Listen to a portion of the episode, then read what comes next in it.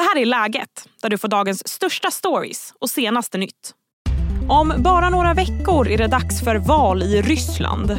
Ett val som president Putin inte hade tänkt lämna åt slumpen. Det visar läckta dokument från Kreml som avslöjar Putins plan för seger. Det handlar om allt från patriotiska spel för barn till massövervakning av internet. Ett miljardprojekt som ska hjärntvätta den ryska befolkningen. Målet med de här projekten det är ju att de ska slippa fuska så mycket i presidentvalet. Expressens grävreporter berättar mer. Dessutom får du veta varför alla pratar om Danny efter helgens melodifestival. Jag heter Sally Sjöberg. Mattias Karlsson, Expressens grävreporter. Du finns i studion. Hej Mattias. Hej hej. Vi ska strax gå in på vad som står i de här dokumenten. Men först, vad är det för dokument det handlar om? Ja, det handlar om eh, den ryska presidentadministrationens interna budgetförhandlingar kan man väl säga. Det är olika Excel-filer och liksom bakgrundsmaterial till olika projekt. Hur mycket ska det få kosta? Hur mycket ska det här få kosta? Så det är ett jätteomfattande material.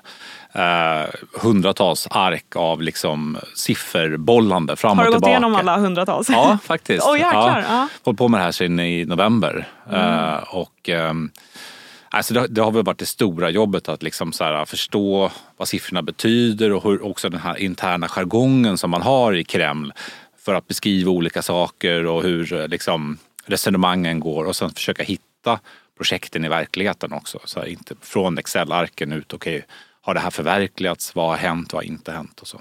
Hur har vi fått tag i de här? Vi har ju ett, ett långtgående samarbete sedan eh, drygt år tillbaka där vi gör olika samarbetsprojekt just kring ryska hoten mot Europa och så. Så att det är samarbete bland annat med det estniska mediehuset Delphi och äh, andra medier också. Så tillsammans så, äh, ja, så har vi en källa som har gett oss de här dokumenten helt enkelt. Hur har det varit att gå igenom ryska dokument? Jag vet inte om du pratar ryska? Jo, jag har ju bott i Ryssland i många okay, år. Okay. Mm. Så att jag mm. kan ju ryska och så mm. och är van att jobba med den här typen av, av eh, det underlättar. dokument. Ja, jag skulle säga att det är nästan omöjligt om man inte kan det. Utan det, det är ju väldigt mycket intern jargong och, och liksom resonemang och förstå. Alltså det gäller att förstå också vad som menas med, med vad som skrivs.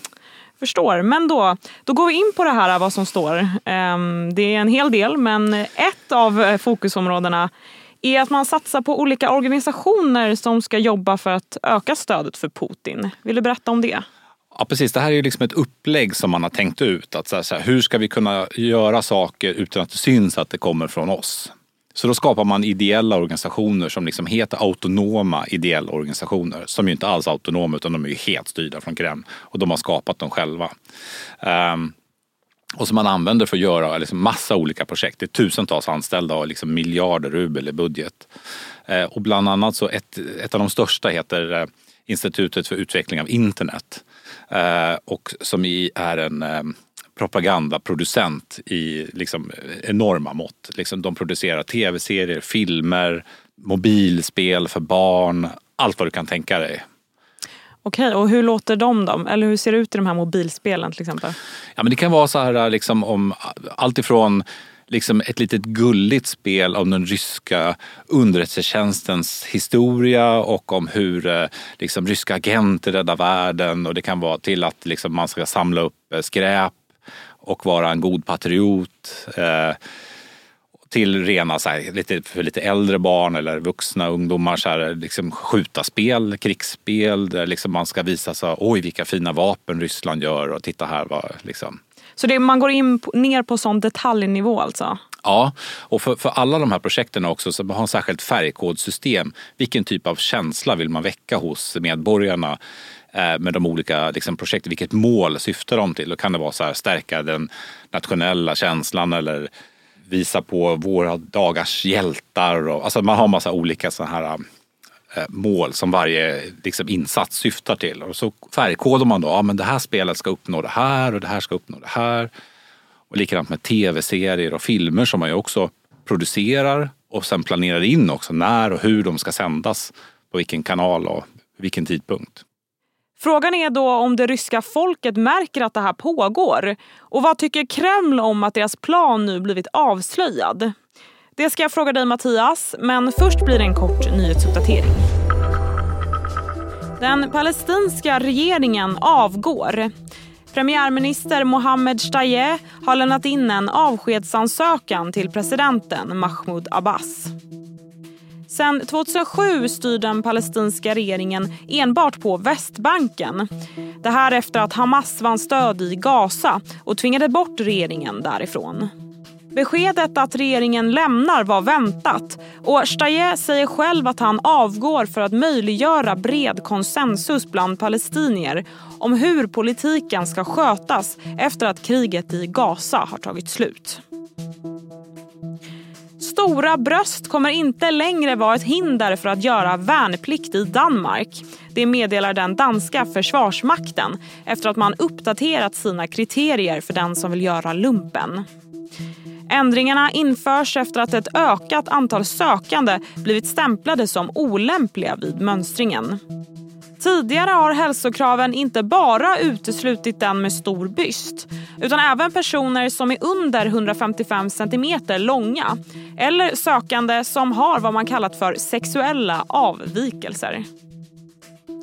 I december hölls en begravning i en kyrka i södra Värmland. Nu har det visat sig att fel person gravsattes. Det här efter att begravningsbyrån förväxlat två avlidna personer på bårhuset. I en intervju med Värmlands Folkblad så tar begravningsbyråns verksamhetschef på sig hela ansvaret för missödet och säger också att man varit i kontakt med båda familjerna och nått en lösning som familjerna säger sig acceptera. Hej, Ulf Kristersson här. På många sätt är det en mörk tid vi lever i. Men nu tar vi ett stort steg för att göra Sverige till en tryggare och säkrare plats. Sverige är nu medlem i Nato. En för alla, alla för en. Hej, Synoptik här. Hos oss får du hjälp med att ta hand om din ögonhälsa. Med vår synundersökning kan vi upptäcka både synförändringar och tecken på vanliga ögonsjukdomar. Boka tid på synoptik.se. Tillbaka till Expressens grävreporter Mattias Karlsson och Putins plan för att vinna valet. Visst är det så att även internet massövervakas? Totalt, fullkomligt. De har ett, ett system som, som heter... Eh, eller man, i princip så vill de skapa ett, ett självständigt internet som bara är ryskt. Där liksom de har kontroll över all information som finns där, också vad folk skriver.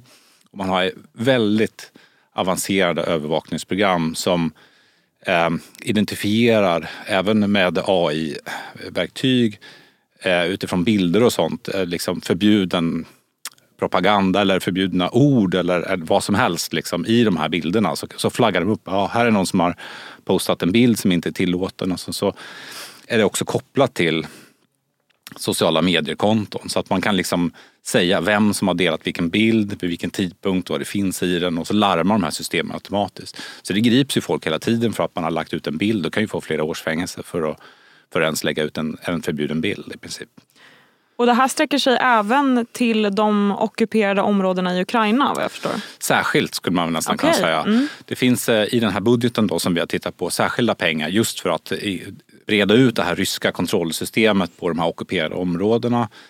Och sen så även för att liksom spärra liksom, eh, radiosignaler och sånt. Med mera gammal klassisk teknik med radio och tv och sånt. Och så har man ett väldigt konkret projekt som nästan är lite komiskt där man alltså skickar ut eh, arbetslag som åker hem till folk och skruvar ner deras eh, ukrainska parabolantenner och sätter upp ryska istället. Så att de bara ska kunna se rysk tv. Men hur medvetna är den ryska eller ukrainska befolkningen om att det här sker? Vet man det?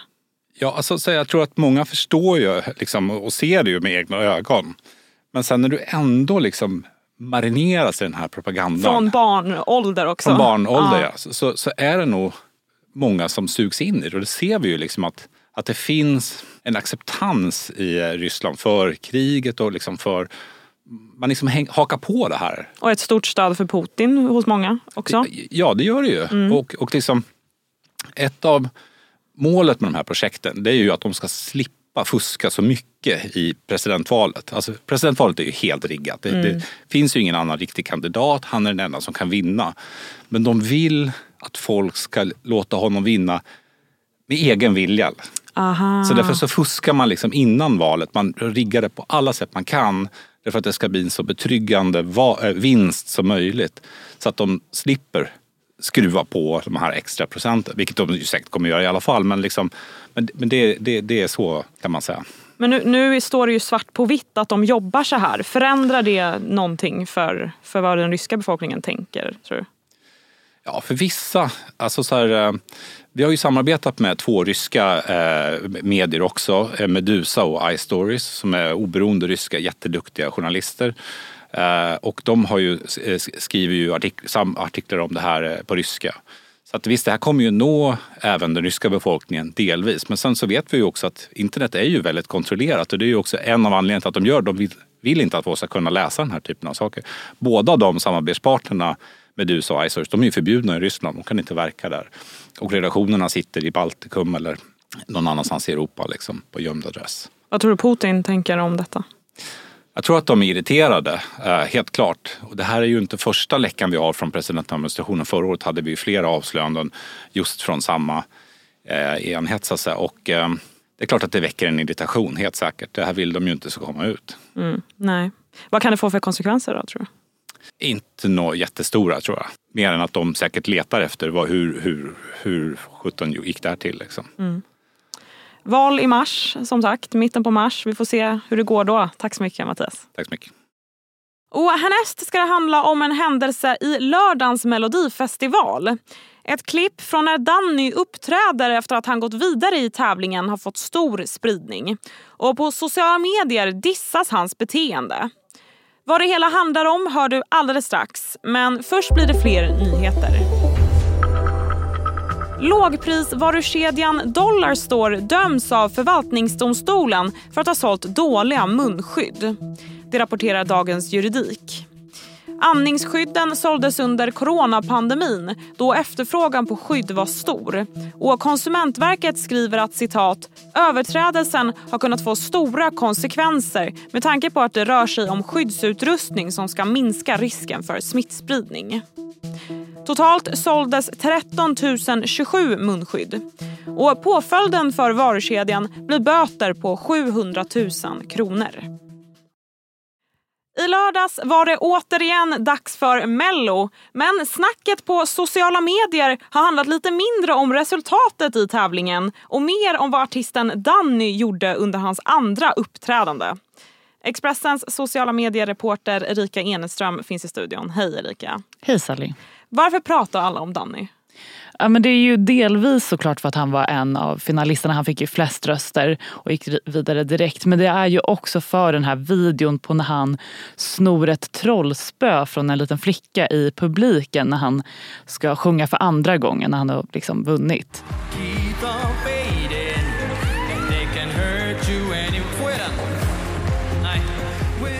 Ja okej, vad händer i den här videon då? Men precis, Danny går ju fram till den här flickan och jag har kollat noga. Han tar tag i spöet eh, och eh, frågar. Och det hör man också för jag, eh, om han får ta det här trollspöet. Och hon skakar på huvudet och då säger han nej. Liksom ett frågetecken. Han bekräftar att han, han får inte ta den. Men det gör han ändå. Han, han tar eh, trollspöet från henne och skuttar vidare upp på scenen. Och sen så går han ju liksom, jag kollar också precis, då går han ju eh, på scenen och upp på scenen och tar emot blommorna. Och han har fortfarande trollspöet i handen kvar. Ja, det tyckte jag också var väldigt roligt att det där trollspöet följer med och på alla liksom bilder sen från, från scenen så ser man den där lysande staven Den i högsta snodda hugg. lysande staven. Ja, exakt. Okej, men reaktionerna då? Vad, hur låter det? Nej, men de har varit att eh, de backar ju, de flesta backar ju den här lilla flickan och eh, är lite förbannade på Danny. Några nämner också att det liksom är extra illa eftersom att han är nybliven pappa och han har ju en son som hans eh, låt dessutom handlar om. Så det är väl folk inte så nöjda över. Sen har ju också snacket lite varit om Danny att han har varit lite slö under genrepen. Eh, eftersom att han inte, och det säger han själv också, att han har ju ingen liksom, koreografi sådär. Så att han, och han har ju gjort det här många gånger förut, han vet ju vad han håller på med. Eh, så att eh, det nämns också att han är lite slapp och ah, jag vet inte, folk verkar lite trötta men det kanske också bara de som, som hörs. Mm, han gick ju förstår. trots allt vidare så någonting har han ju gjort rätt. Verkligen. Men det var innan han snodde trollspöet ska sägas. Ja, det stämmer. Okej, men Danny själv då? Vad säger han om det här? Var det meningen? Eller vad, vad, vad säger han? Ja, men vi kan ju lyssna lite på vad han svarade på det direkt efteråt när Expressen och Aftonbladets reportrar frågade honom om det.